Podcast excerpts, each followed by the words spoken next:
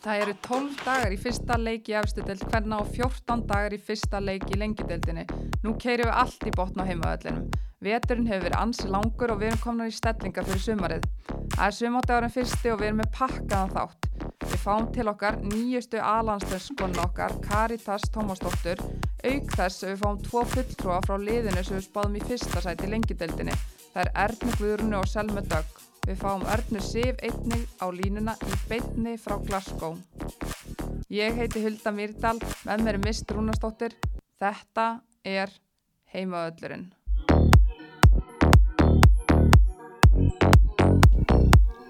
En við erum hérna í bóði Símans og það eru sex umferðir eftir af ennsku úrvalstildinni en síðasti leikurinn er spilaði 23. mæ.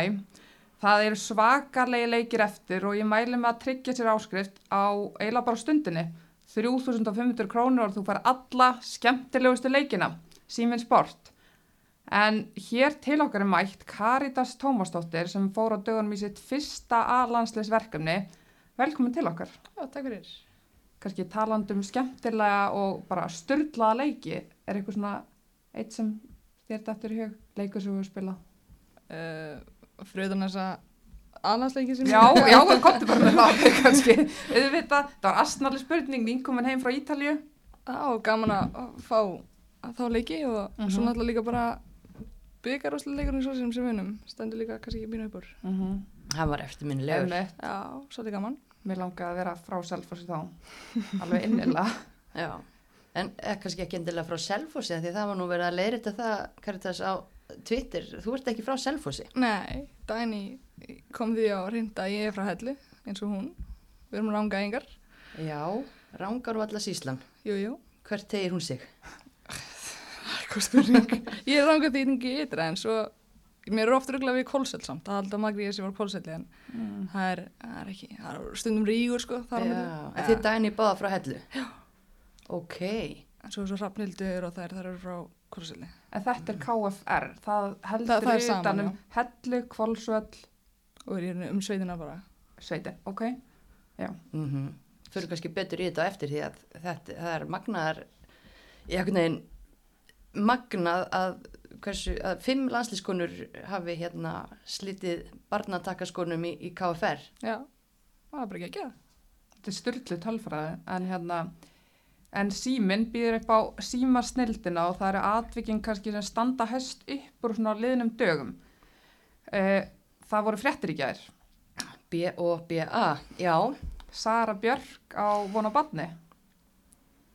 hún ávona barni, hún var ekki meitt, Karitas, vissu þið þetta? Var hún ekki meitt líka? Nei, ég veit það ekki. Já, ok. Nei, við vorum, við okkur grunaði fyrir svona tveinduðum.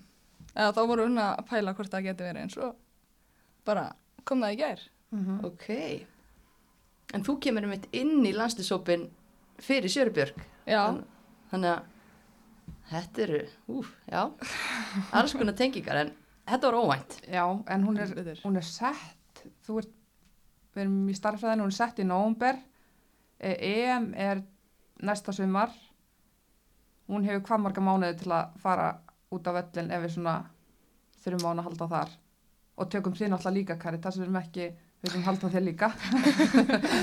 Um, já, ég, hún hefur kannski hálft ár Mhm. sem að er alveg möguleiki en Já. maður veit náttúrulega aldrei. Það er bara, Nei, engar tvær meðgöngur eru eins og, og bara ef allt gengur vel þá er það alveg, mm alveg séns. -hmm. Svo maður hugsi um þetta engungu út frá sér ekki frá bara, einn hagsmunum en, en þið náttúrulega bara frábært og, og Mhm. innilegar hamingi óskur, óskir á Sörbjörg og hann Árna. heldur betur, þetta verður eitthvað gena fótbolta kríli, er það ekki? Það geti verið. það kemur í ljós, engin pressa strax en hérna, fyrsta umferðin var spilið í Svíþjóð, sannska deildin hófst uh, hvað síðustu elgi mm og við eigum þar tíu er það ekki Jú, það, ansi margar allavega. uh tíu íslenskir leikmenn. já og hérna Kristjánstad mætti Eskils Tuna. Mm Mm þetta sannskur heimur? Nei, en Eskils Tuna, það, það skilst. já.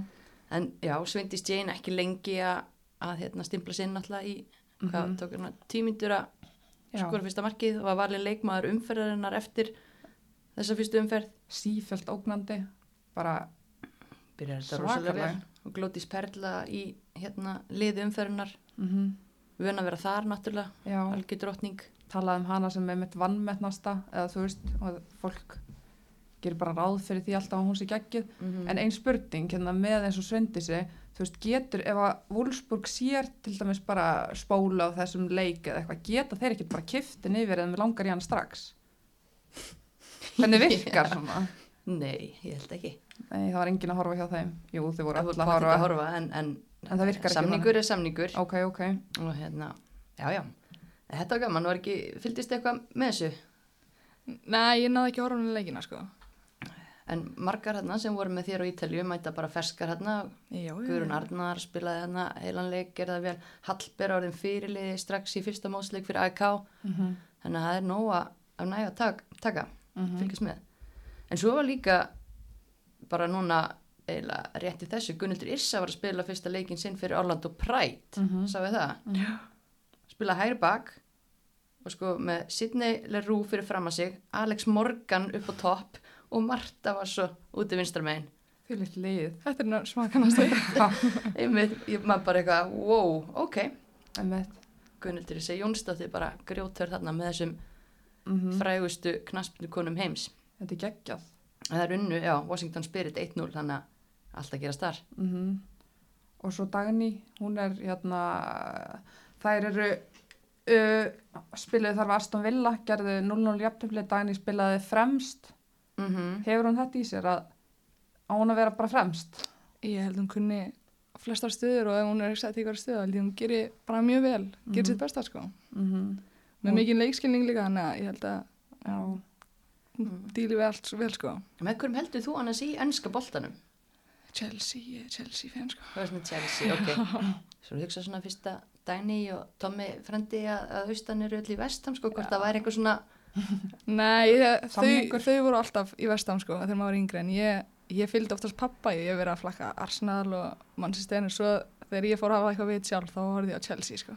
okay. Ég held að það var aðlega þegar Eyður fór í Chelsea já, Já, þá vissi ég svona meira og þá bara, já, ég ætla að vera þar. Mm. og hefur verið þar síðan? Já, ég, þá fór ég að halda mig bara sterk á mínu sko. já, og við erum eftir átt að ræða Hvernalegi og Chelsea núna, þær eru á topnum já, bara ekkert smágóðar sko. Pernil Harder og, og félagar. Mhm. þannig að mjög spennandi hlutir að gerast þarna í Englandi. Mhm.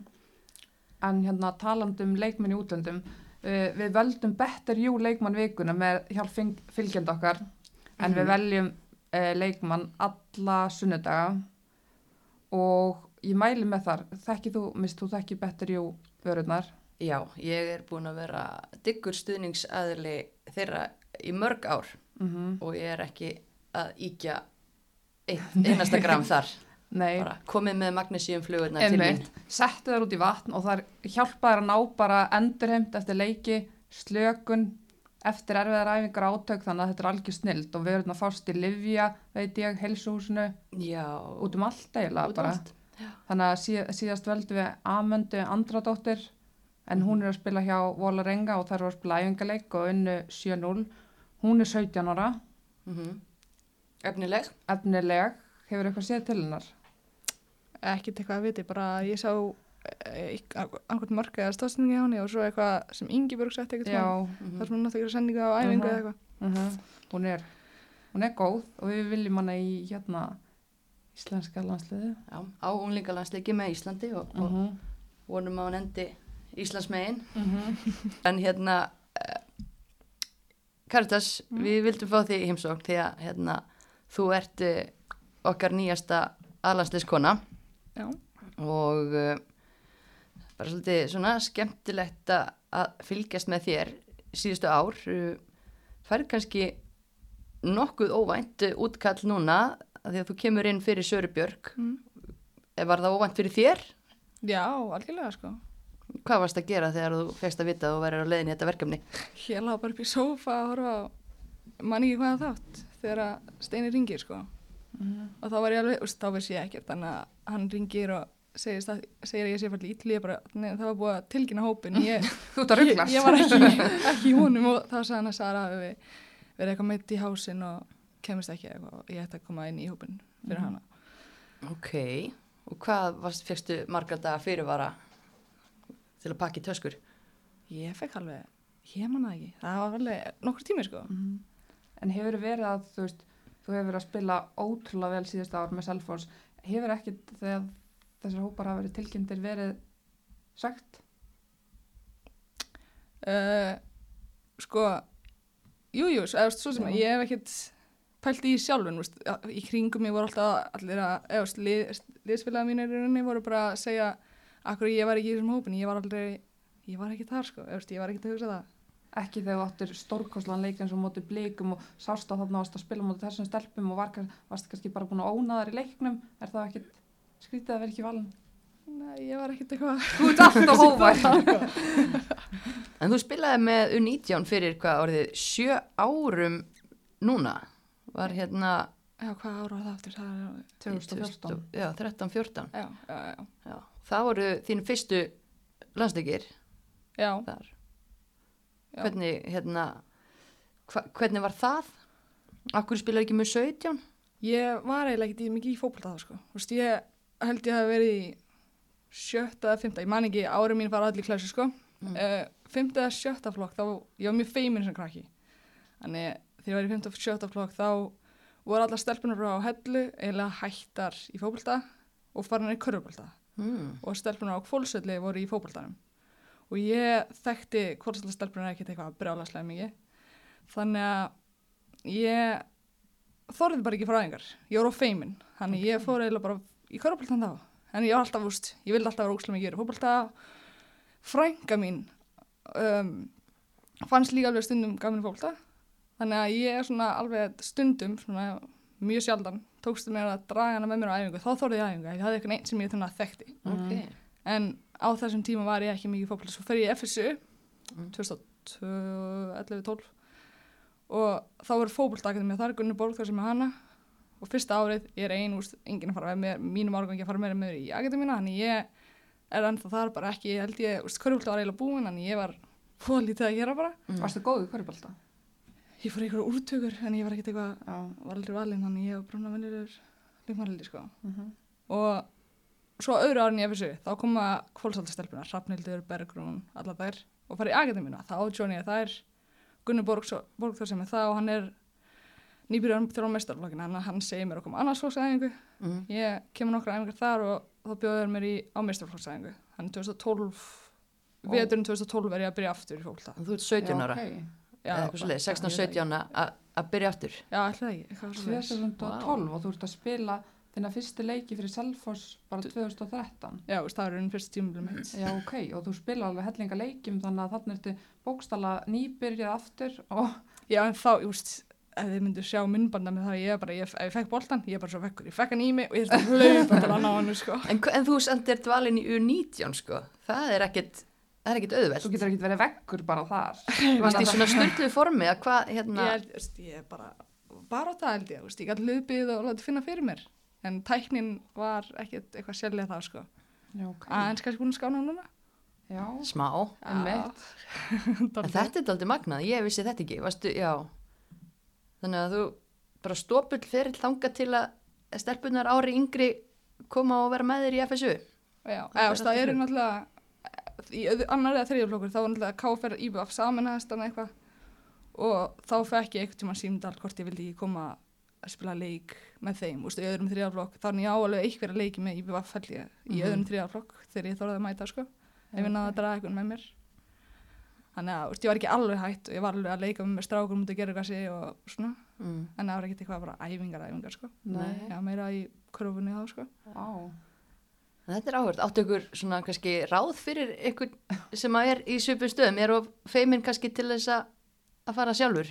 bara, veist, rauninni komast yfir það, veist, ég hefði, veist, ég vildi óska þess að ég hefði ekki hægt, en, veist, ég komst alveg sem ég er núna Mhm. þrátt fyrir það, þannig að. Það var gaman að sjá ef ég hefði ekki hægt, hver, hver munun væri í rauninni. Mhm. Ef við komst líklega aldrei að því eða svona. Nei, Nei, en maður veit heldur aldrei hvað það er sem að, hérna, er lærdómsríkast fyrir mann í ferlinu, en kannski Nei. er bara orðið sött, spilaðu 17 leik og orðið sött eða eitthvað svo leið, sko. að. Þannig að, en þetta er magnað, ég, Mhm. eins og ég vissi þetta ekki og, og hérna, Þannig að þú ferði þessu akademi og, og það er Gunni Borgþór sem að svona, já, Að hann svolítið, já, mætti segja hann, úst, hann finnir mig og úst, er hann í gera mig að, á grunin að því hvernig leikmaður ég er svo sem. mm, Ef, ef, að- ef við gefum hún það kredit. Já, sá trega. hann bara hvað þú varst Sá hann hvað þú varst góð eða þú veist, var hann að segja þér að þú væri bara góð og eftir að gera þetta eða Ja, úst, hann sagði hann bara að koma á æfingar og allan hann hafði ekki séð bara, úst, að, ég sá bolta, ég bara hljópa að Já, skilur, já. ég var bara á kraftur í mig mm eitthvað sem hún leist á og vildi ég liðið þá. En þú ert í dag hvað gömul 25, að ég var 26 að þessu ári. Já, segjum 25 þú Láta mig liða veit En já, ég er svo líka bara að hugsa það því að svo ferði náttúrulega í, til bandaríkjana í skóla. Já, það er líka alveg stórt skrif fyrir mig sko. Ég veist ég hef aldrei búist við því að feimna í þessu þorði ekki æfingar að ég bara fært í bandaríkjana, skilur. Einmitt, hvernig, hvernig fór feimna þú að því? Ég bara, ég veit það ekki, bara, mér langaði, ég hafði eitt mann ferði heimsamt í dagnir og mér fannst það alveg gekja og, veist, bara hvernig í rauninu umhverfið var og eitthvað. Þegar hún var í Flórida þá eða? Já, Já. fór út þegar hún var á öðru árunni eða eitthvað, minni mig. Og það var bara, mér finnst svolítið skemmtilegt hvernig þetta allt var og það var bara gott að fara út fyrir þænir á mann, þannig að hann ákvæði að taka á slæn að prófa það. Mhm. Og ég, úst, mér leist vel á það, sko, ég elskaði að vera í bandaríkjum. En, Ég- fórstu? Ég fór til Texas. Okay. en hvernig, hvernig var liðin þáka? Hvernig, ég meina, var eitthvað sem hefði samband við þig eða hefði þú samband við eitthvað tengiliði? Mm, Nei, Dagný gerði ansið mikið fyrir mig, sko. Eða þú gaf mér fullt af einhverjum e-mailum sem ég geti sendt á og Ómar, kærastinn hennar, eða maðurinn hennar, klifti einhver vídeo til fyrir mig og eitthvað. Ok. og svo endaði reyndar á því að þjálfarinn í skólanum mínum var aðstöða þjálfarinn hennar fyrsta árið hennar í FSU eða eitthvað áður en Mm. fór þar sem hann í rauninni TCU sko og ég fer á heimsæki þar og LSU eitthvað, eitthvað staðar í Louisiana held ég Mm. og leist miklu betur á TCU og neða Dagný gerði hans mikið fyrir mig sko í þessu allir ferli en allir ég hafi ekki bara aðalega fundið það upp frá því að tengslinn frá Dagný í þjálfaran til mín Mhm. mm -hmm. skilurinn Ok. Og hvað varstu lengi í ég var í fjögur ár ég tók allar, allar annar sko Og hvað lærið þeirra? ég, ég útskæðast með BS í íþrættasálfræði Ok. Og gast einbyttið bara 100% að- af fótboltanum þá? bara algjörlega sko Og hvenær útskrifastu? uh, mæ 2019 Já, ok. Ok, þetta er... Er að læra Já, ímislegt. einmitt. En það er mitt, já, maður sér að, að, að eh, eins og Hulda nefndi áðan, veist, búin að vekja mik mikla aðtýrli kannski sérstaklega síðustu tvö, tímbil en þegar þú varst út í skóla þá náttúrulega kannski varst að spila aðeins stýttir hluta þegar ekki af íslenska sumrinu. Jú, ég kem of, kom oftast bara í um, miðjan mæ og ég ofta oftast að úst, ég mátti senasta lagt ég voru komin til 30. júli þannig ég var Mhm. alveg að fara nokkuð snemma sko Já, það var eitthvað hlaupatest fyrsta ágúst sem ég átti að vera búin að koma einhverjum dögum fyrir mm. ok. En hvað, hérna, hvernig hefur verið þá þessi síðustu tvö sísona að ná þeim heilum? í skroknum Nei, bara heilu, heilli Nei, lengt já, af íslensku bara- tímbili og í skroknum. núna, já, Já. bara hvernig hefur úst, bara mér liðið að Ég er bara svona að stilla sig af og eitthvað menn finnst þér þú hérna, þú ert allan að búin að fá meiri umfjöllin í fjölmiðlum þau tímbil, finnst þér þú vera að spila betur eða er fólk bara að taka meira eftir þér að því að Selfoss er að stígu upp eða Ég veit það ekki, svo sem. Mér finnst, ég er svolítið, mér er svolítið gaman að fljúa bara undir radarnum, sko. Það er ekkert að draga alltaf með laðeglið mín. En fannst þið þá þegar þú varst út í skóla og náðu bara kannski 13 leikjum, var- fannst þér ekkit erfitt að gýra því það að vera bara, þú vissir að þú verður ekki að fara að ná þessu öllu, varst settur þið markmið fyrir þau sumur sem þú varst út í skólanum hérna heima? Þú veist, Gerum við markmið fyrir sumar. já, bara þegar þú nærið svona litlum hluta sumrinu, varstu þá með markmið bara fyrir þig og eða varstu bara að koma inn heim í stutt sumafri og fara svo út aftur? Ég veit ekki, ég hugsaði að það var lítið úti, ég hugsaði bara að ég væri að koma heim og geta spilað með Selfoss Já, og hafa, veist, bara gaman og út af, ég- já, var alltaf gaman að spila með Selfoss og eitthvað.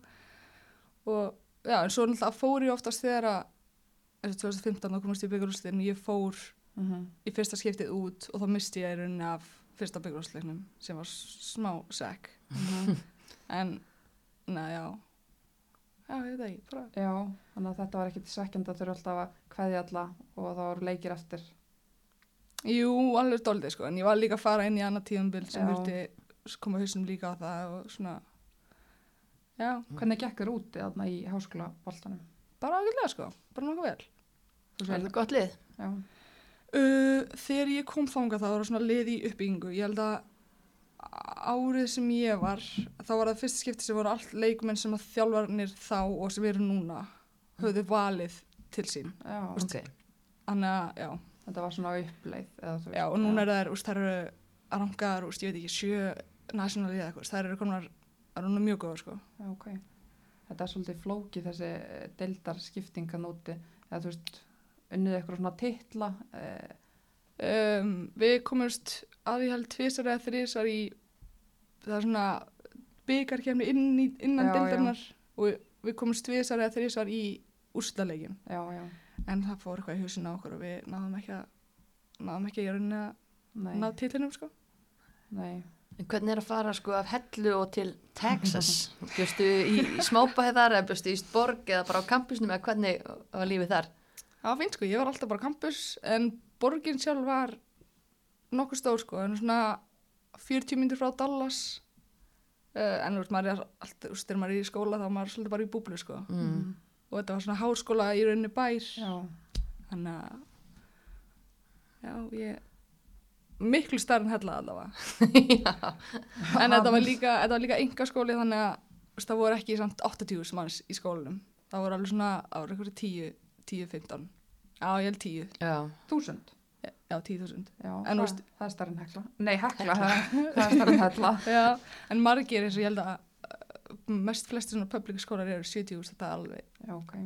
ansið mikið af fólki Já. En þú varst alveg að fíla þig í já, Texas. algjörlega sko, mjög mikið Þegar þú kláraðir, varst eitthvað að pæli í að halda áfram, fara í frekar nám, vera bara úti eða varst alltaf fókusirðið á að koma aftur til Íslands?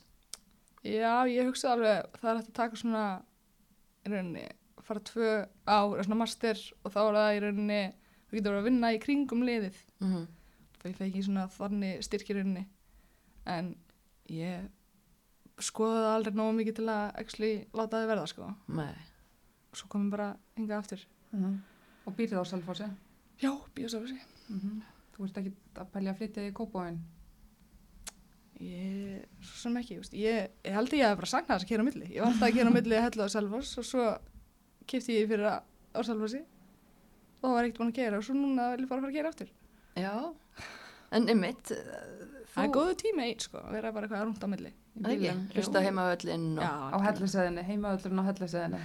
það klikkar ekki. Margt verra. Já, en þú ert náttúrulega eins og, hérna, við erum komað, þú, hérna, verður byggamestari hérna með Selfoss og ert bara svona orðin power player í, í Pepsi Max dildinni og, og það kom alveg mörgum óvart í haust að þú, hérna, gerir vistaskipti, Já, býrðu þig til smá rúnt frá Selfoss og upp í Kópavók þegar blikar sækja þig. já. Hvað gerist þar? Það var svolítið ómænt sko. Ég held að renna út á samning og, og er svona voða róleg. Ég held búin að vera sjálfs í átta ár. Langaði svona, fann alveg, væri alveg til í smá breytingu sko. Þannig ég voru eitthvað lið sem höfðu samband og ég var hlustið á það bara eins og allir gera. Mm. Svo var ég, já, svo kom breyðablík upp og ég bara eitthvað meginn var það, eða veist, vildi skoða það og svo bara leys mér ókslega vel að það. Það var Já. stökk til. Ok, og Steini var svo sem að, hérna, seldi þið þá hugmynd að hann tóku landsliðinu eða hvað? Jú, jú, það var svolítið svo leiðis.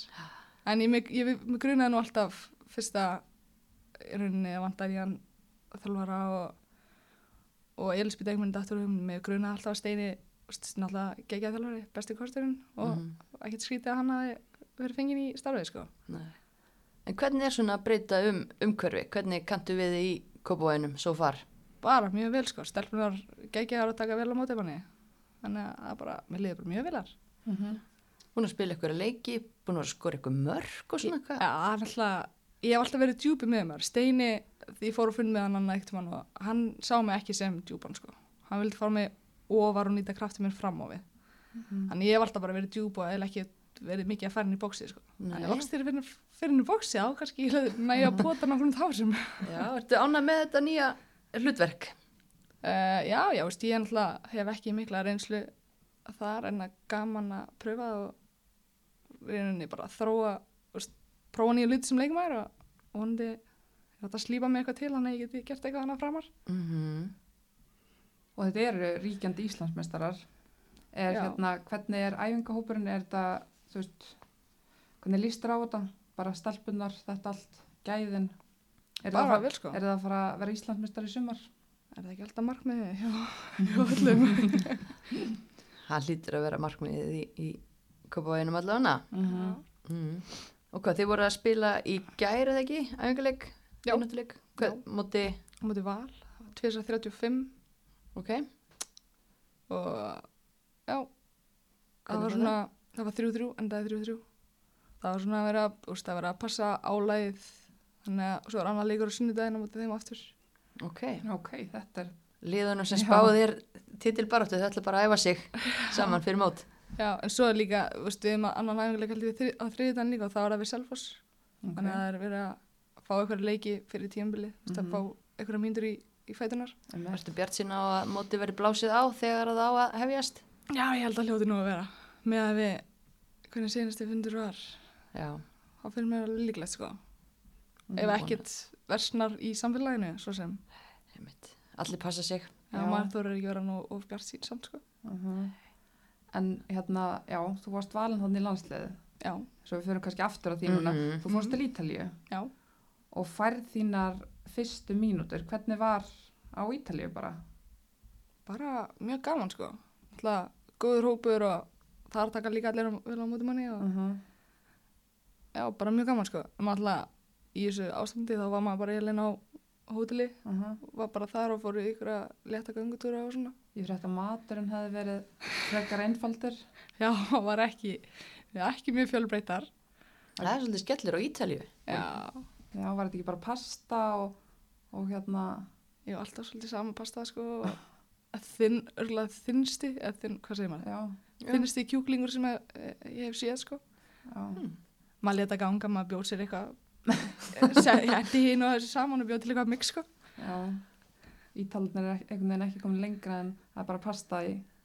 Ég, ég bara trúi sér ekki upp á ítalsku vinni mína besti matarkúltur í heimi að, að hérna að það verður ekki verið Ítali sem rakið þetta eldhús sko, getur ekki verið. nei, ég veit ég sagði ekki dýrun ég gef það sko En þannig úti bara þetta umhverfi, þú veist, er ykkur þarna, þú hefur ekkert verið að, eða hefur verið að æfa eitthvað með landsliðin áður, eða þú veist, þetta var fyrst alvöru verkefnið.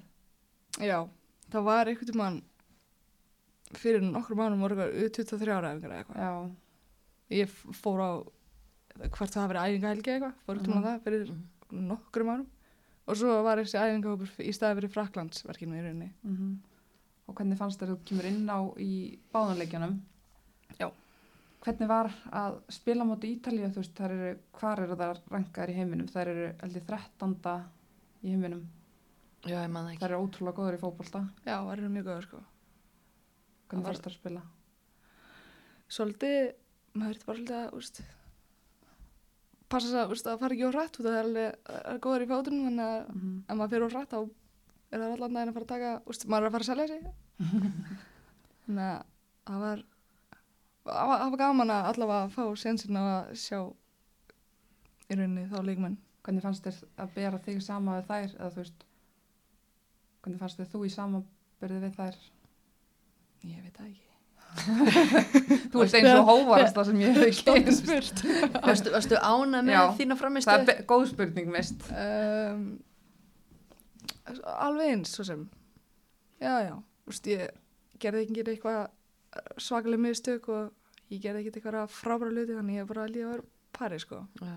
Það er kannski, kannski svolítið umræðan bara eftir þessa leiki, þú veist, meðlandslið, þú veist, þetta er náttúrulega kannski ákveðin æfingarleikja bragur á þessu á þessu hérna tímapunkti en, en ég minna, var þetta ekki bara nokkuð solid verkefni, ég minna heldur að hópurinn í heilt hafi verið eða gengið sáttu frá, þar áttur úslitin hafi náttúrulega ekki kannski, þetta hafi ekki verið sigrar.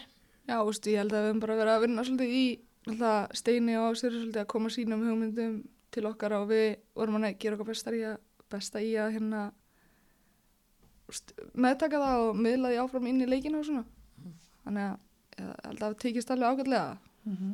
það sem að við vorum að reyna að gera allavega. Vorum að reyna þeirra hugmyndir allavega þannig að Mhm. eina, svo sem eina sem er þetta að byggja um svo sem. Já, og næst verkefni í, í júni, glugga, vitið þið eitthvað, er þið búin að fá eitthvað skubb um það? nei, ekki sem mun allavega. Minnur ekki Það verður eitthvað, eitthvað gott kokkað upp. já, Mhm. En hérna, já, hvað eru margir dagar í mót? Það eru Tíu. tíu dagar í Nei. Íslandsmót. Er ég að ruggla? Ég veit er ekki. fjó, að byrja fjórða, fyrsti leikur hjá ykkur er við fylki fjórða Mhm. mæ. Komin í nýtt lið, ertu með eitthvað svona markmið vera best í deildinni? bara að gera mitt best og vonandi ná að skora eitthvað mörg svo sem Mm. Heyrðu, þið fengur náttúrulega gamlan liðsfélagið, Tiffany, Já, sem Tiff. spilaði með Selfossi. Hún, jú, jú áttið þú, hérna varst þú að plugga þessu ég hefðan ekki að blaka þessi, ótrúlega satt Villi kom til mín og spurði mig eitthvað út í hana ég sagði bara í rauninni já, ég bara sagði hann hvernig hún væri og svona og hún hefur eitthvað litið stáðar sem hún hefur séð og fekk hana til okkar Ok, neða því þú talar um að skora mörg, þar sem margir búin að pæla hver á að leiða þessa sóknarlínu blika, sko. mm, Þannig að þarna er komin, hérna, kona í það. Já, það, ég held að það eru alveg, það eru mörk í þessum stelpum sko. Það eru mörk í okkur, já, já, það. Þetta eru vonandi í sumar hjá okkur. Já, og hvað ert þú búin að skora mörg núna undir ekki, ekkert svo mörk, þrjú, fjör. Ok, Það, það er meira að þú skorar eitt mark með Selfoss í 92 leikjum. Þannig að er við Það er allavega harfið. Að þrefalda það. En hérna, þú veist, breyðabliksliðið ungt og efnilegt er einhver mm Mhm. sem hvað leikmann eigum að fylgjast með, einhver svona yngri sem að hefur heillað þig síðan þú komst. Úf, stór spurning. Það eru margar mjög góður hana sko. Kondu mér upp fyrir mig einhver. Uh, Þú setur alltaf mikil press á mig. er eitthvað sem þú vissir eiginlega ekki hver var, en Já. ert búin að vera bara núna á æfingum? Wow, þú ert geggjuð. Ég fylgist þó lítið með öðrum leikumöðunum svo sem í öðrum liðum sko.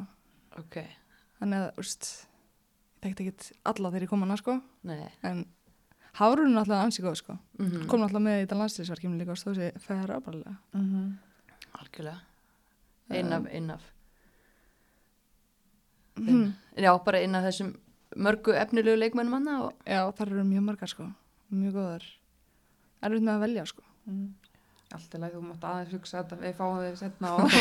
við erum að mm Já, en hérna, bara ég glind að spurja þig áðan, bara hérna, að því að með þetta KFR dæmi, hvað hérna, af hverju heldur að fimm íslenskar konur sem að byrja í KFR séu búin að spila alansleik? Þegar stórt er spurt. Hva, Ég- Hvað eru það að borða? Hvað er Ah. að hamrin í hausinu okkur? Þú Veist, hvað? Það er sveita lífið sko. Nei, Er- ég veit það ekki.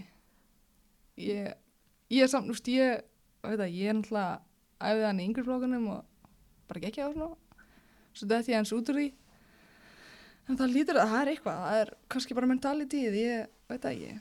Já, en ef þú veist, þið þekkist allar, þetta er Hólfríður Mhm. Bryndís Lára, Hrafnildur Haugs, þú og Dagný. Mm -hmm. Hvað er eitthvað svona sem þið eigið sameigilegt? Eitthvað svona samnefnar í ykkur?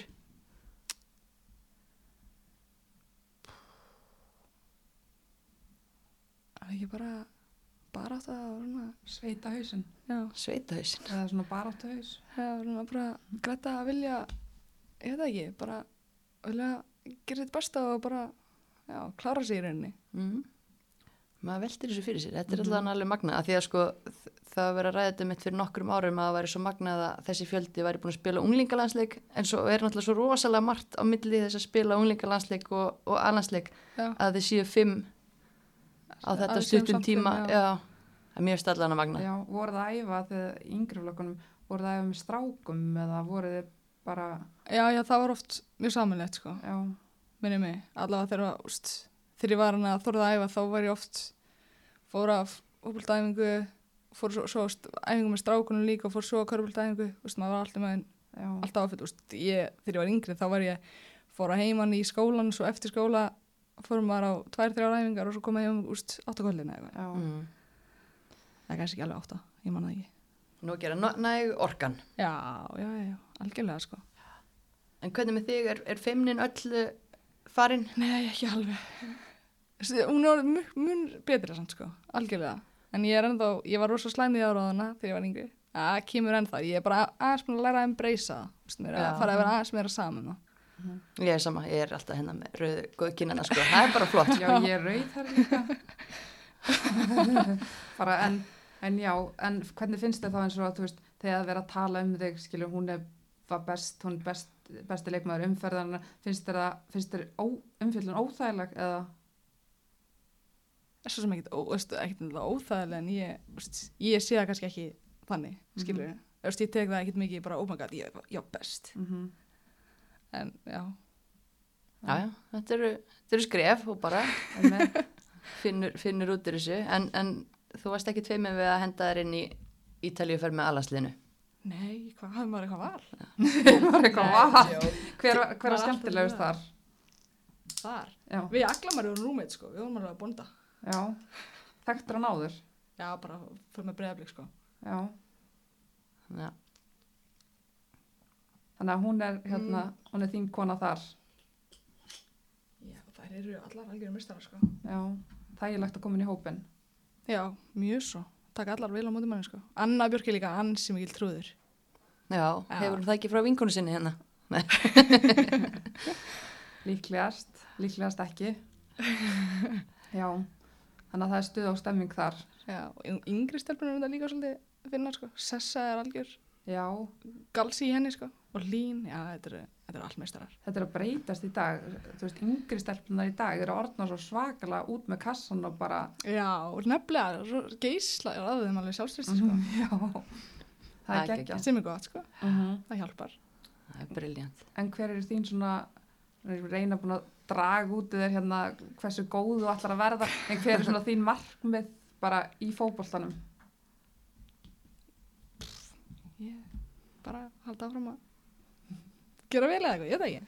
Langaði í atvinnumennsku Um, ég hef nú verið spurðið á þessu aður, úst, ég, ég er svo sem ekki eitthvað að leitast að, úst, leitast að því, úst, að skoða hitt og þetta, en úst, það myndi koma, ég er ekkert þess að ég myndi segja, nei sko, úst, að myndi koma, þá myndi ég örgulega skoða það, mm en ég er ekkert að leita að sækjast þannig sé eftir, eða úst, ef það meika sens. Mm -hmm. Opin fyrir öllu Já, já, já, algjörlega. En þið langar að að stimpla þið áfram inn í þetta alansliði það ekki? Jú, maður þarf bara að reyna að standa sig vel og sjá hvort að það gangi upp. Það er laus staða núna, ég svara hann bann í maður, það er rétt. staða þarna. Ætlar að ná henni? Stöðunni? Já, þú veist, ef maður, maður verður bara að standa sig þá kannski kemur, það er fullt af góðum leikmennum sem, geti, sem gera tilkall að sætinu, sko. Mhm. Yes, já, en við ekki að láta það bara verða loka orðin. Mhm. Mm, þú hefur tíu daga til þess að, að hérna, vera klár í Pepsi Max með nýju liði, Mm Spennandi. mjög spennandi. Er hérna eitthvað svona skilabóð til áhörvenda, til fólks varandi næsta sumar? Bara vonandi getum við sjás, sjás þau á vellinum. Fín lokaord, bara sjáumst á vellinum og já, takk fyrir að koma. Já, takk fyrir mig. það eru að detta í hús í bóði Dominos tveir leikmann úr liði FH en Dominos hefur verið með okkur bara já, frá byrjun.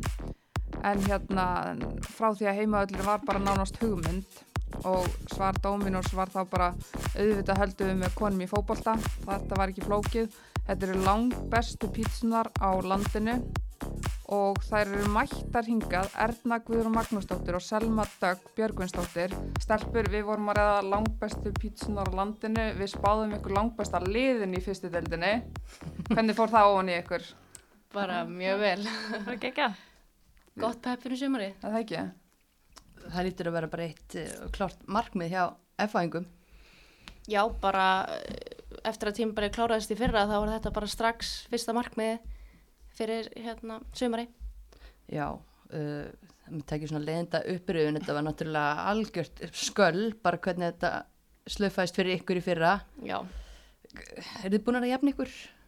já, já, við vorum svolítið fljótar að því. Það er náttúrulega líka bara svo ótrúlega breyttir hópur að við svona eiginlega náðum bara að núlstilla okkur. Já. Þannig að ég myndi segja já. Ok, En þið fáið annað svona, einmitt, skrítið undirbúinstímbil, það var stórfyrirlegt í fyrra og er aftur skrítið ár. Hvernig er þetta búið að, að vera? Sko við erum eiginlega bara með þannig þjálfara að það er ekkit annað í bóði en bara taka þetta hörkunni þannig að þetta er bara búið að vera fínt hjá okkur. Þetta ekki alveg eins og við vildum, uh, hefðum óskað okkur en þetta er bara búið að ganga ágætlega.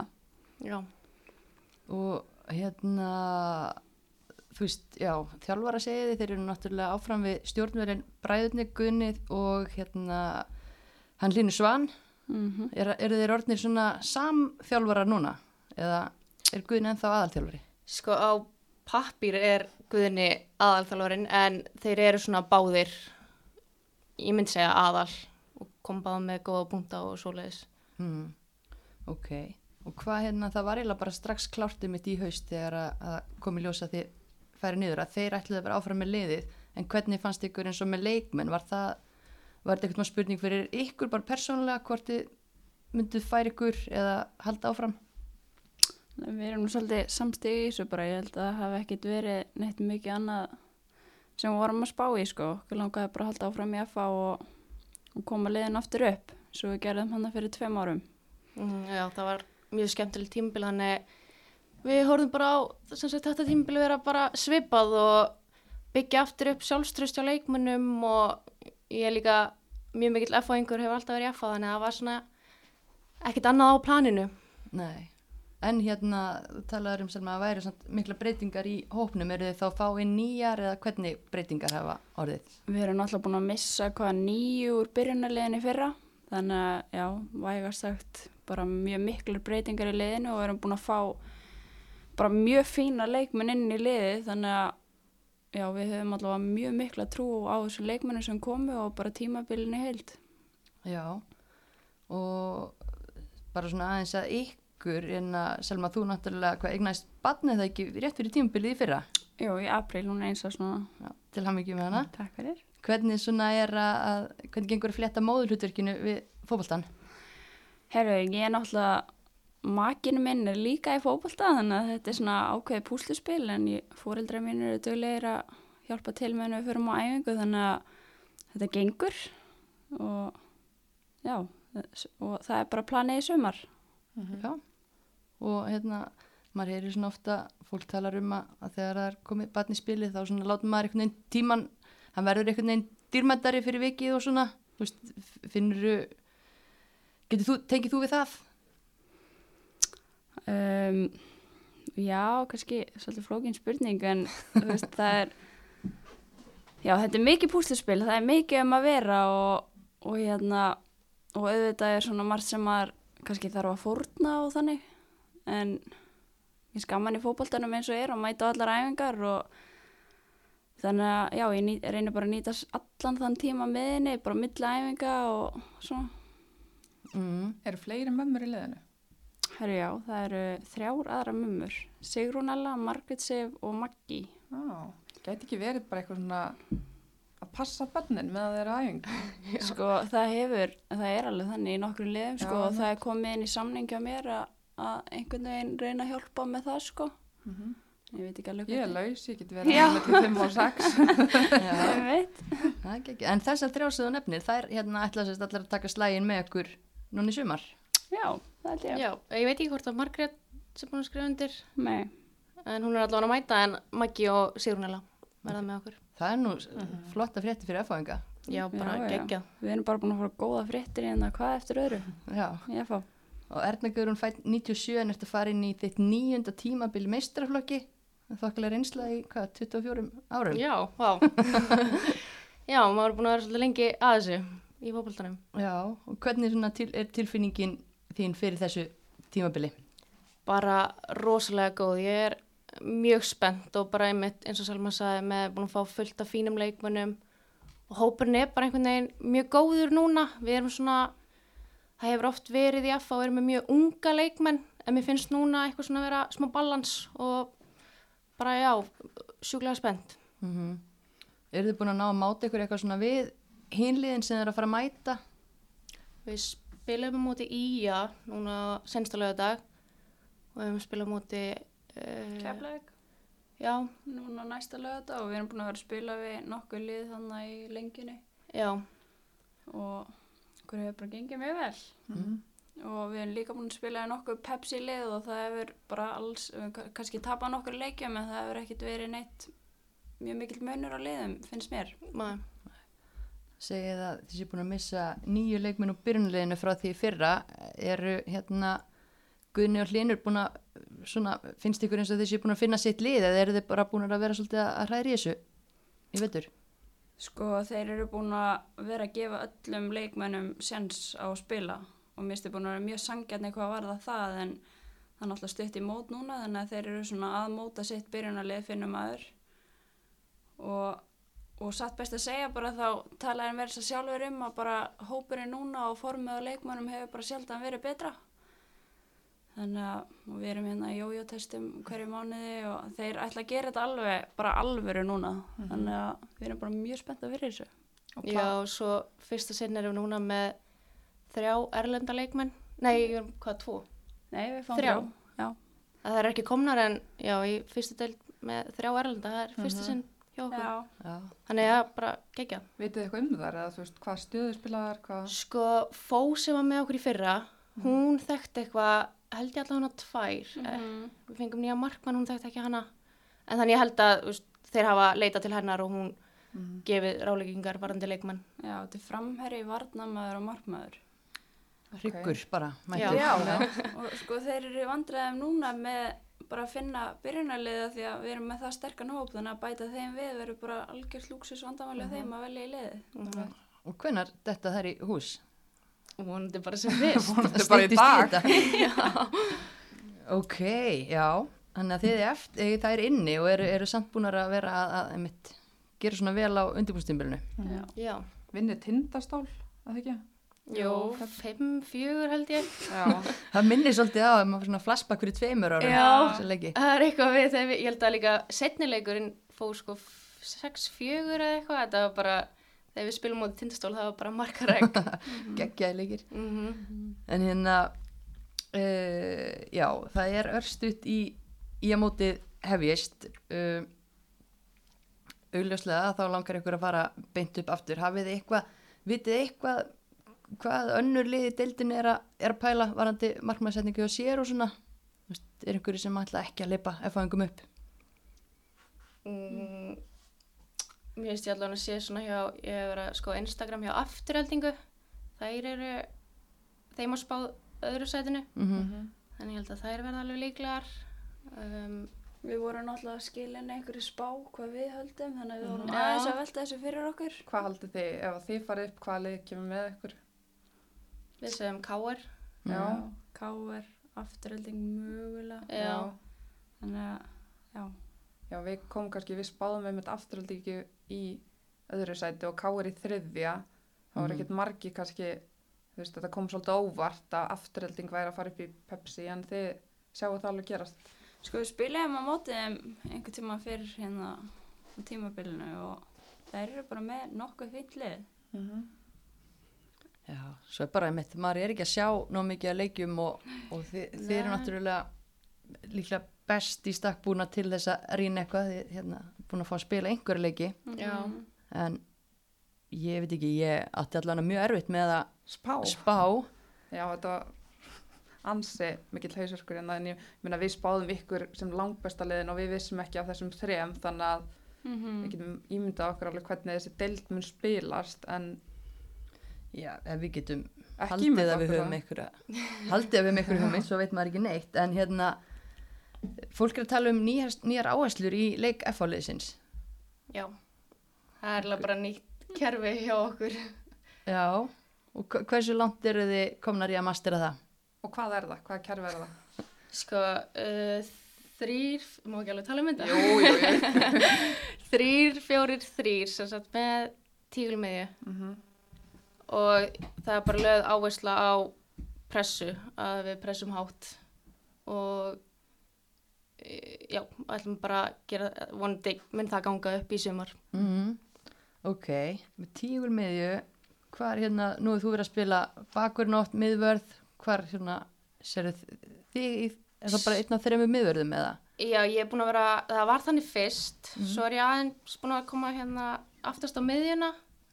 En ég held að það veri annarkort hérna svona á miðjunni í vörninni eða aftast á miðjunni. Ok, sé spennandi. svona, já. En ég, vör, ég var held í sumar spilaði ég frammi, kanti, fremst á miðju, miðverði og bakverði. Þannig ég er svolítið vörn að spila flest allar stöður, nema mark kannski. Já, sleppu vonandi við það Já, í sumar. En þú Selma, hvað er þú búin að vera að spila? Ég spila bara alltaf á miðinni, hvort sem það er djúb eða fremri.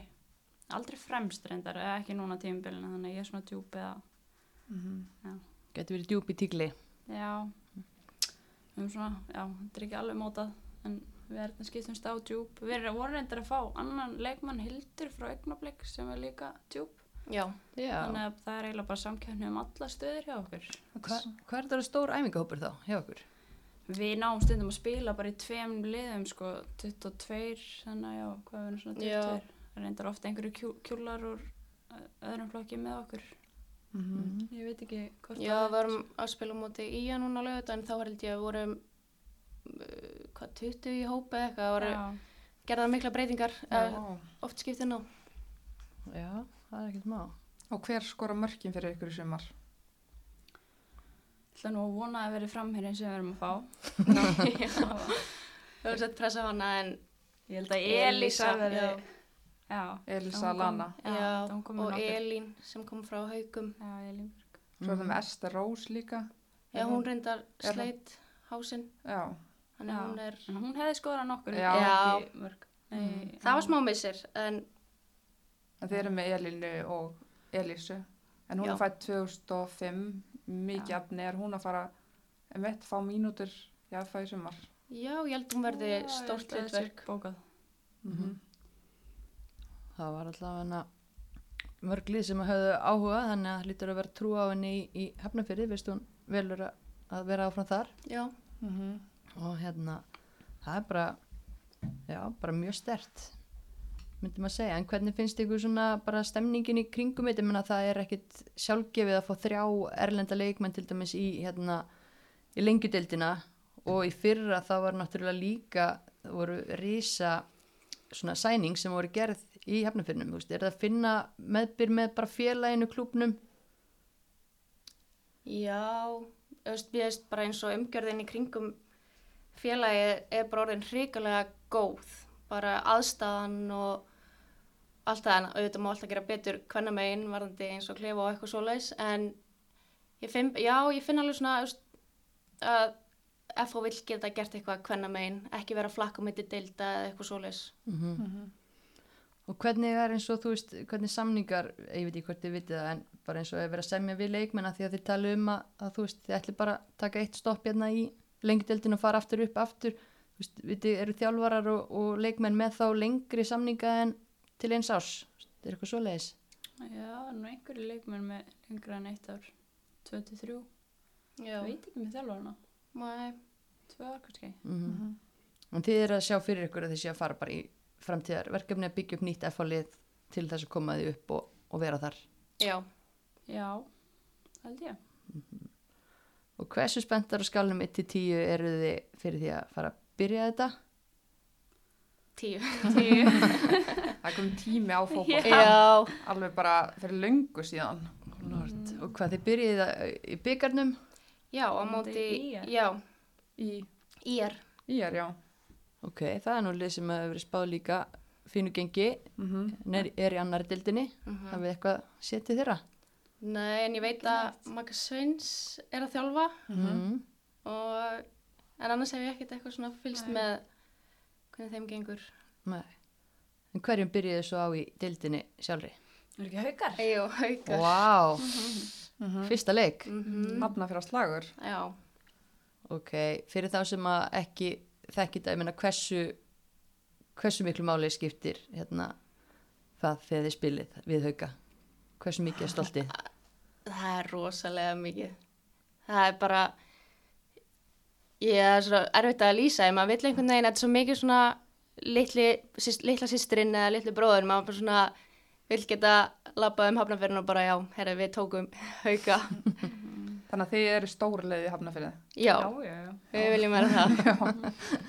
Já, En það er alveg eitthvað leikmennir sem hafa um mitt, þú veist eins og Elin Björg komið til ykkar og það er alveg svona leikmennir að fara á milli. Er það, hérna, er það illa séð?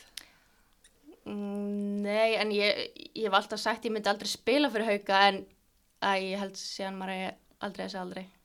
Nei. En það er eitthvað svona FH hjarta sem svona... Já. það er ekki hægt að vera flakka millir þessara liða. En ég Nei. skil alveg að fara úr haukum í... Já, já, já, þú, þú skilur Elínu. Já. já, já. En það er svo gaman og svo geggjað, það er ekkit allir sem eiga svona erkifjendur sko, þannig að þetta er alveg luxus sem að margir hafa ekki upplifað. Já, já, þetta er bara mjög gaman og nálgunin fyrir leik er einhvern veginn allt öðru og Já, tens verði- eitthvað. Já, mjög svona tens andrúsloft bara líka hjá þjálfurum og Mhm. svoleiðis. Mm. Já, það vill lengi vera undir í hafnafyrði. Nei. En er þið bjart sínar á að uh, áhörundu með mæta á völlin í sumar? Ég bara eiginlega ekkert spáð í því þannig séð. Maður er orðinlega núna svona vanur að hafa ekki neina en ég vona það. Ég meina, þú veist, eins og í kaplakrika þið fáið alltaf geggjaðan stuðning. Þannig að skiptir það ekki máli að fá fólk í stúkuna? Jú, Jú, það er stemning. mér finnst það alveg muna mjög miklu. Að svona heyr, heyr, þeir eru alltaf að kalla og eitthvað svona. Mhm. Og það mæta margir á leikjum. Ég finnst það allan að þegar ég mætt hann í sóluna í hafnafyrði. Þá er margir í stúkunni. Já, margir í stúkunni. Mm -hmm. Man finnst allavega svona síðustu ár eins og í fyrra, mér fannst hérna bara fólk mæta þegar það mátti og svona. Já, Þannig að maður bara svona pínu krossa fingur eða megi líka bara þannig að maður geti séð önnu lið heldur en bara sitt lið. já, einmitt. Við erum ekki að, við erum ekki að þurfa að spá um eitthvað sem að maður, Emmett, við sitja hérna að ræða og meðum ekki fara völlum. Það er einhvern veginn alveg glata en svo kannski vera síndi leikir. Er það ekki eitthvað á... jú, vonandi, þú veist, ef að það allavega ef fólk má ekki mæta. Já. Já, það var gert meira af því senst sumar. Já. Það var að sína fyllt á leikjum. Mhm. Þannig að við skulum bara vona að, að það verði ekki frekar í bakslögu og við getum mætt en annars Mhm. bara að þetta verði sem mest sínt. Mm En hérna, er með einhver skilaboð fyrir F-fáinga inn í sumarið? Bara að mæta á leiki og styðja ykkar konur. Mm. Mm. að fara alla leið. Já. Þið ætlið beint upp. Já. Já. Og í þetta sinn ætlum við að taka fyrsta sætið. Já. algjörlega. Við hefum alltaf lent í öðru sætið, þannig að það er markmiði. Hvað er það samt, þú veist? Alltaf svona, Sko, ég veit ekki hvort það sé bara eitthvað, öruglega bara eitthvað stress eins og seinast. Það var svona, þú veist, við vorum svo nálægt í en þá bara kikkaði stressi inn og tókum þetta á seinasta leiknum. mm, Þannig þú veist, við vonandi verum eitthvað búin að vinna í því. reynslunni ríkari. Ætla Já. að segja, reynslun ríkari, árun eldri. Já, Mhm. Og þið eru tilbúinar að vaða inn í þetta mót með, með pressu á ykkur. Já, já, já. já, ég held við hendlum hann alveg. Gekkja. Bara æðist þetta fá ykkur í spjall og gangi ykkur ótrúlega vel í sumar. Takk fyrir. Hlökkum til að fylgjast með. Nýju kerfi, nýjum leikmönnum. Og Já. bara fullt af mörgum og fjöri. Já, Hulda, þær ætla upp. Ánað með þær, segja það bara óhrættar og gaman að fylgjast með þeim í sumar. Heldur betur. En það er komið að því, komið að fimmunni. Við ákvaðum að heyri Örnu Sif sem stimplaði sér heldur betur inn í skosku úrvalsteldina í fyrsta leik með Glasgow. Arna Sif er eitt sterkasti skallamaður, er það ekki? Síðustu tíu ár í efstu deild, er ekki hægt að segja það? Jú, það má vel kvitt undir það. Ég var allavega ekki til að vera fyrir henni. Nei. En hérna, við heyrðum í Örnu og spurðum hann út í lífið í Skotlandi, Skotlandi og hún fekk það verðu að verkefni að velja fimm leikmenn úr íslensku deildinni sem erfiðast er að eiga við í loftinu. Mm Ekki bara heyra í Örnu. Sæl og blessu Arna. Hæ, hæ. Það er he heimavöllurinn sem ringir til Glasgow. Já, já. Hvað, hérna, hvernig er, er lífið að fara við því þar? Fara með því þar? Herðu, lífið er bara dásanlegt hérna í Glasgow. Búið að vera ægilega skemmtilegt og, og hérna, og já, bara ekki út á neitt að setja eða. Ok. Hérna, voru í lofti? Já, heldur betur. Góðar átjangráður í dag og sól og allt í blóma. Vá, næs. En hvernig er eins og með, þú veist, uh, útgöngubönn og allt það? Máttu alveg fara út að leika þér eitthvað? Sko, við erum alveg búin að mega fara út bara svona í göngutúra og í búðina og eitthvað þannig, en, en hérna, það er alltaf opna, eða allt, það er svona flest alltaf opna núna í næstu viku, þannig að þá fyrir maður loksins að geta að fara að gera eitthvað, annað en að fara bara í göngutúr. Einmitt, geggja. Og hvað, já, þú náttúrulega varst lánuð þarna til Skotlandsmeistara Glasgow City, hvað, í desember, eða ekki? Jú, flytti út þarna bara í lok desember. Já, og svo var eitthvað pása á, á dildinni og hún er bara Mhm. nýkomin að stað aftur Já, og það er ekkert erfitt að þurfa að býða eftir fyrsta leik. jú, þetta var allt voða astanlegt sko. Það alltaf maður, ég fór út til þess að fá leiki og, og, og hérna, þú veist, að sleppa kannski þessu leiðilega undirbúðstíðanbili heima og, og vera bara búin að spila fullt af góðum leikjum þegar deildin byrjar og svo fer ég út og liðið mitt æfir heima meðan ég þarf að fara út að hlaupa í, í Skotlandi. Þetta var svona smá astanlega staða. Já, en, en við reyndum bara, þú veist, við reyndum bara að gera gott úr þessu, við, það er mjög gott þjálfarateimi í kringulið og það var að halda rosalega vel utanum okkur og, og veist, það var alveg reynd allt til þess að fá að æfa, sko, það var búið að bara, þau reyndu allt sem það gátti og endaði þannig að við fengum að, að fengjum að æfa hérna tvær tvær saman, þannig Ok. að við vorum, við, við mættum alltaf á sest, þá, þá dagar þú voru æfingarspust, þá var bara ég og, og stelpan sem að ég bý með þá Mm. var bara æfing hjá okkur 11 til 12 og þjálfarinn var á staðinum en hann var ekki inn á vellinum hann var búin að stilla upp æfingunum og svo öskraði hann bara hvað við áttum að gera og, og þannig að þetta var, þetta var alltaf lægi veist, þetta var, var ekkert að versta sem að ég hef lendið sko þannig að þetta, þetta bjargaðist allt já, ummitt, áhugavert. En svo hérna mátti loksins byrja að spila þá byrjast þú með látum, greinlega er spennt að komast inn á völlin. Já, bara gekk greiðlega vel í fyrsta leik og, og hérna, mann er búin að býða eftir þessu svolítið lengi og þær voru þvíleitt búin að hæpa upp þennan leik, sko, þetta er náttúrulega svona pínu, svona hérna, derbyslagu þarna þeirra á milli og, og mikið búið að gera úr þessu, þannig að það var mikil spenna, en bara gaman að, að hérna, byrja svona stert og þú veist, svona náttúrulega bara alltaf gaman að, þú veist, alltaf gaman að skora og ég held að það sé ekkert um, hefur ekkert verið búið algengt í þessu liði sko því þau gera rosalega mikið því bara það að ég kunna skalla. Það er bara eins og ég hafi verið að finna upp hjólið sko. Við bara, já, bara, þú veist, það liggur við bara getur þú kent okkur? Það er er rosalega að fyndi hvað við gera gera mikið úr þessu og bara á fyrstu æfingunum mínum, hann er greinlega, var greinlega búin að skoða mig vel og, og maður farið við hotn og planið var ekkert flókið, það var bara finnið örnu, var bara finna örnu og bara, hvað er Arna? Já, það að er, það var- það var bara gaman að geta að hérna, gaman að það var bara skori fyrsta leik með, eftir að þegar við vorum búin að fara mikið yfir þetta og svona. algjörlega og greinlega þá glænir vinkill í, í hérna leik liðsins og náttúrulega algjör luxus og maður þekkir það náttúrulega bara vel og fylgjast með þér í mörga ára þú ert náttúrulega nöyðsterk í, í loftinu Já, já. Já, og bara þú veist, þetta er styrk, bara klálega einn af mínum helstu styrkjum og þetta- þetta á alltaf að vera, eða finnst mér sko, þetta á alltaf að vera bara döðafæri fyrir mig.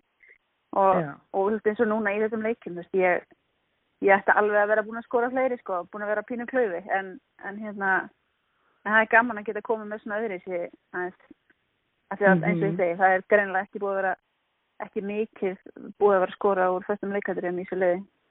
ok það er náttúrulega spennandi og hérna og þú fyrst náttúrulega þú, þú fyrst heimavinnu frá okkur. Já, já.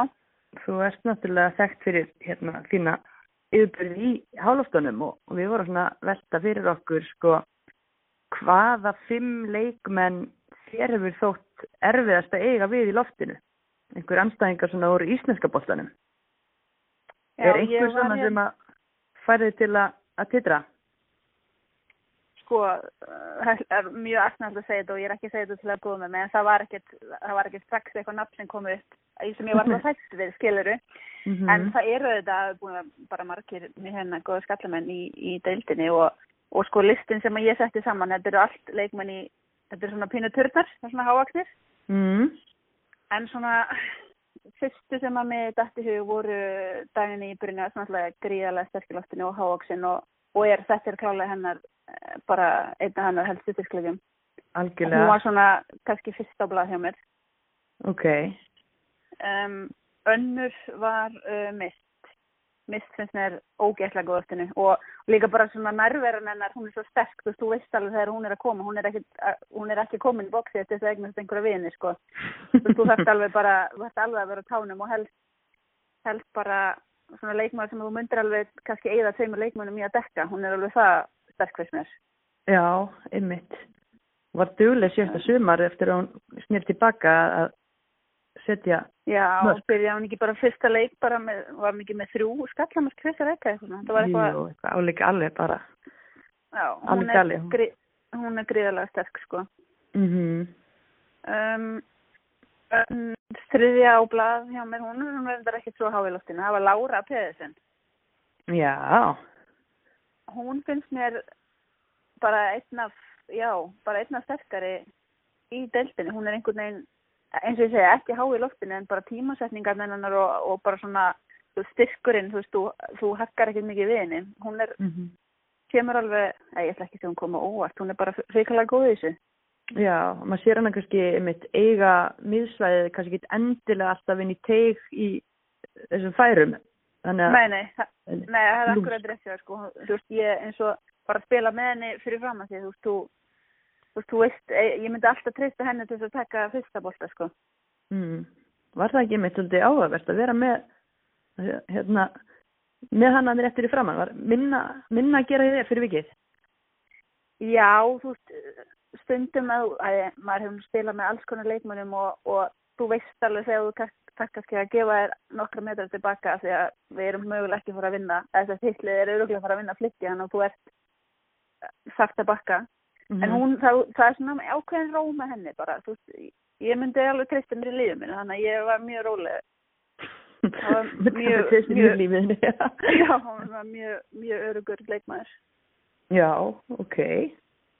Geggjað. Um, Tókstu eftir þessu fyrir ekki hjá henni sko þegar hún var anstæðinguðin eða fattaður þetta betur þegar hún var meðriliði? Já, sko, hún var alveg svona einn af leikmannum þegar að við vorum að spila hérna við stjórnuna ef það voru, hún að fara í fyrst leikatir. Þetta er alveg svona leikmann sem hún þarft að, þarft að pæli. Þú lætur ekkit kannski hvert sem er dekkana. Þú myndir alltaf eigða kannski sterkasta leikmanninu með svona einhverjum sem er að fara að challenge hana þar, sko.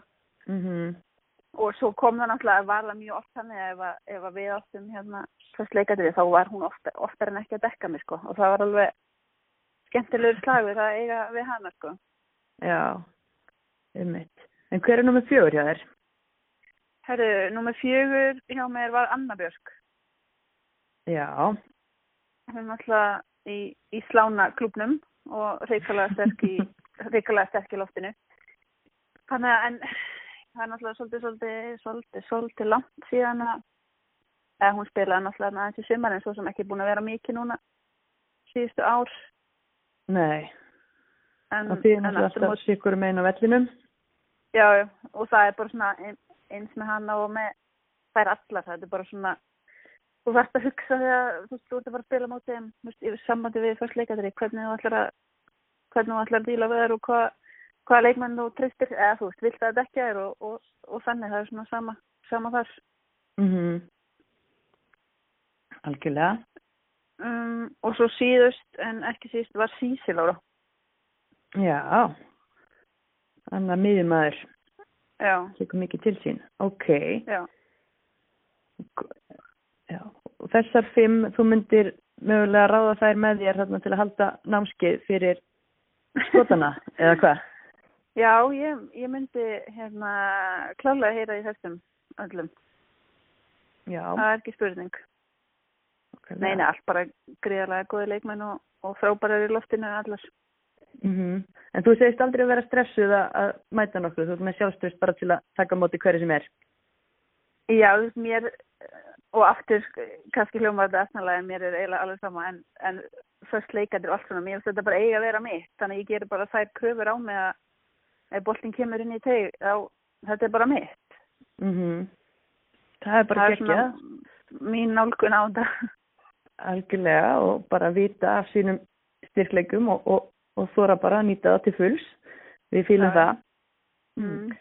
En hvað hérna, þú ert á láni úti er ekki plan, er þetta ekki á leiðinni heim? Hvernig er það? Herru, jú, ég er á leiðinni heim núna bara, um, ég reynda, ég held ég að bara fengi skilabóð í dag um einhverja breytingu á flugi, en það- ég held ég sé að fara heim tíunda. 10. mæ. Já, Ok. þannig að ég er að fara að missa fyrstu þrejum leikjunum með Þórkáa. Ok. Með þessari, með þessari fimm daga sótprí sem ég þarf að fara í. Já, ummitt. En hvað, nærðu að spila eitthvað meira fyrir Glasgow þá? Á þessum, Sko, já, við eigum, við eigum, við eigum held ég alltaf sér þrýr leikir eftir sem ég næ. já, Já, sennilega. Og ok. ég held, ég held sko það, það eru spilað þrjár umfyrir og það voru tvær eftir núna þess, um, eftir árumót þannig að ég næ annari, annari þegar ég fæ að spila við öll liðin. Mm. Þannig að Ok. þetta er einhverju sjö, sjö leikir sem, að, sem að ég næ í heldina. Já, og það er bara, er þetta ekki búið að vera lærdomsvíkt þó að þetta hafi kannski ekki verið alveg eftir uppskriftinni sem að vera með? Jú, alveg klálega, svo er það bara með allt svona, þetta er bara um, að breyta um umhverfið, þetta er svo ríkalega holdt fyrir mann, þú veist, maður er hún svo bara vanur sama og ég er náttúrulega búin að vera fyrir norðan í hundra ár, þannig að þetta er svona, þú veist alltaf hvað, þú- af hverju þú ætla að ganga og hvað ferður svona, en það er bara útrúlega froskandi að fara alveg sama hvað er gammal, að fara í umhverfið það sem að, þú veist, það veit enginn hver þú ert eila og, og, og hvað þú getur og þú þarft svona smá að sína það og sanna, þú veist, þetta er bara, þetta er rosa gott fyrir mann sko. Og svo er þetta bara miklu betra líð enn ég held Já, ég veginn, ég veit ekki alveg Æ, þú við heyrum nú ekki rosa mikið tala um skosku dildina og einhvern veginn bara fyrst þegar þetta kom upp þá, þá var ég svona bara búin að ákveða að þetta væri bara liðlega dild og ekkit, ekkit eitthvað sem ég ætti að vera að spá í mm en ætla, ætla svona að láta þetta ráðast bara eftir að, ætla að sjá þær spila mútið val. Já, einmitt. og þær koma mér mikið óvart þar sko voru betri ég held og, og svo núna eftir að hafa verið hér í þessa fjóra mánuði það er bara svíkarlega gott lið og, og margir góðir leikmenn. Mm bara eins og ég segi, betra en ég held og, og hérna, svo það sem að mér finnst mest að snildin er eiginlega ég er nánast með þeim yngri sko, hér What? Er það? já, já, þú veist, fyrirlegin minn er 39 ára sko Ok. ma- já, svo eru margar hana bara, ég held að þessi tvær sem eru, eða þrjá sem eru 34, ein 32, svo eru margar bara 31, þú veist, þetta er bara, þetta er svona, þetta er svo rosalega þessi frá því að vera heima, þess að ég er bara mama bear í fórkáfa núna. Þannig að þetta er, þetta er, er mjög geggja, sko, að, hérna, þetta eru bara svona, bara konur sem eru bara, þú veist, margar eins og sérstaklega þessar skosku, þú veist, þetta eru kannski konur sem eru búin að spila fullt, fullt, fullt að leikin fyrir Skotland og eru með sko meir en hundra, eða, ég held að fyrirlegin sé með 300 leiki fyrir þetta, þennan klúb, sko, þetta er bara svona, það er mikið Vá. reynsla, reynsla í þessu liði sem að er, er geggja, sko. Já. margir leikmæri sem maður er alltaf alveg að læra. Það er alveg klálega svo leiðis Það er frábært, það er það sem að maður vil. algjörlega. Kekja, þannig að þú kemur eh, reynslunni ríkari heim til Íslands, búin að læra af af þessari 39 ára til þess að- að hérna miðla til, til uh, unglingarna fyrir norðan. Ég menna, eru með mjög unglið, það voru með síðasta sumar og það verður árin eldri í sumar, en, en hérna, veistu eitthvað, veist, með, með Þór Káalið, mikið breytingum þar? Nei, við höldum bara nokkur með sama uh, svona grunni. Við, við reynda mistum, mistum heiðu sem er svona heimasalka sem er búin að vera lengi. Það er bara Mhm. alltaf með okkur. Og það er bara það er mikill missir í henni. Þetta er ótrúlega flott stelpa og karakter bara fyrir liðið en, en þú veist, maður skýrir það alveg að það er að leikmenn vilja kannski skoða sig um. En En hérna, svo náttúrulega útlendingarnir, við skiptum út útlendingum og fáum þrjá í nýja sem að ég eh, bara veit rosa lítið um og get eiginlega ekki sagt um það. En, en hérna, það er svona eiginlega eina breytingin að heiða svona af okkar, okkar selpum, þá fer heiða og en svo finnst mér bara margar, þros, að það var svo rosalega þroskandi ári fyrra og margar sem að tóku bara þvíligan kikk hvað það var að sko. Mm og hérna allavega svona að fylgjast með svona í fjarlæð og, og þú veist, heyra í stelpunum og tala við hann, þá finnst mér þetta hljóma allt rosa vel og, og hérna bara lítur mjög vel út sko, svona það sem að ég hef hýrt og, og séð. Gekkja, það verður bara spennandi. Með að koma og, og hitta erlenduleikmennina og, og setja saman. Lið fyrir sumarið. Já, klálega. Klálega. Og, bara hérna, frábært að heyra þér og við höldum áfram að fylgjast með þér í Glasgow, þrýleikir eftir og, og við hérna verðum með augu, augu á þeim Já, bara gegja. og svo lökkum við bara til að sjá þig aftur í íslensku dildinni í sumar Já, takk fyrir það. Já, takk fyrir bara og gangið hrikalega vel Já, takk. Það var nú gott að fá Örnu á sinn stað aftur í íslensku dildina. Mm Eftir þetta æfintýri. Já, búin mjög gaman að fylgjast með þessu æfintýri en ég get ekki ímyndað mér Pepsi Max án Örnu Sivjar. Nei, það er ekki hægt. Og svakalegir skalla, skalla, svakalega skallakonur sem hún valdi þarna. Mm Alvöru listi. Mm alvöru, alvöru skalla lið. En hérna, eins og við gerum alltaf í hverjum þætti, þá veljum við konu sem á skilið að vera, vera hérna, tolleruð utanvallar, fyrirmynd utanvallar og hérna, auðvitað er það í bóði þeirra sem eru með alltaf hreinu á götum borgarinnar, bílarnir frá heklu. Þeir eru með allt sitt að reyna þar. Einmitt, Hekla bílaumboð, laugavögur 174 og Hekla náttúrulega búin að vera með okkur lengi og Hekla heldur með öllum geggiði fótballtakonum sem við eigum og við höldum þar alveg endur með Heklu. Þetta er ekki flókið. En mist, hvaða konu ætlum að velja í, í dag? Hver að þetta skilja í dag? Já, í dag sem á aðra daga uh, Ragnhildur Skúladóttir Ragga Skúla. Hún hefur fengið fjölda tilnefninga þegar við hefum óskað eftir slíkum og er bara einn af þessum drottningum í leiknum.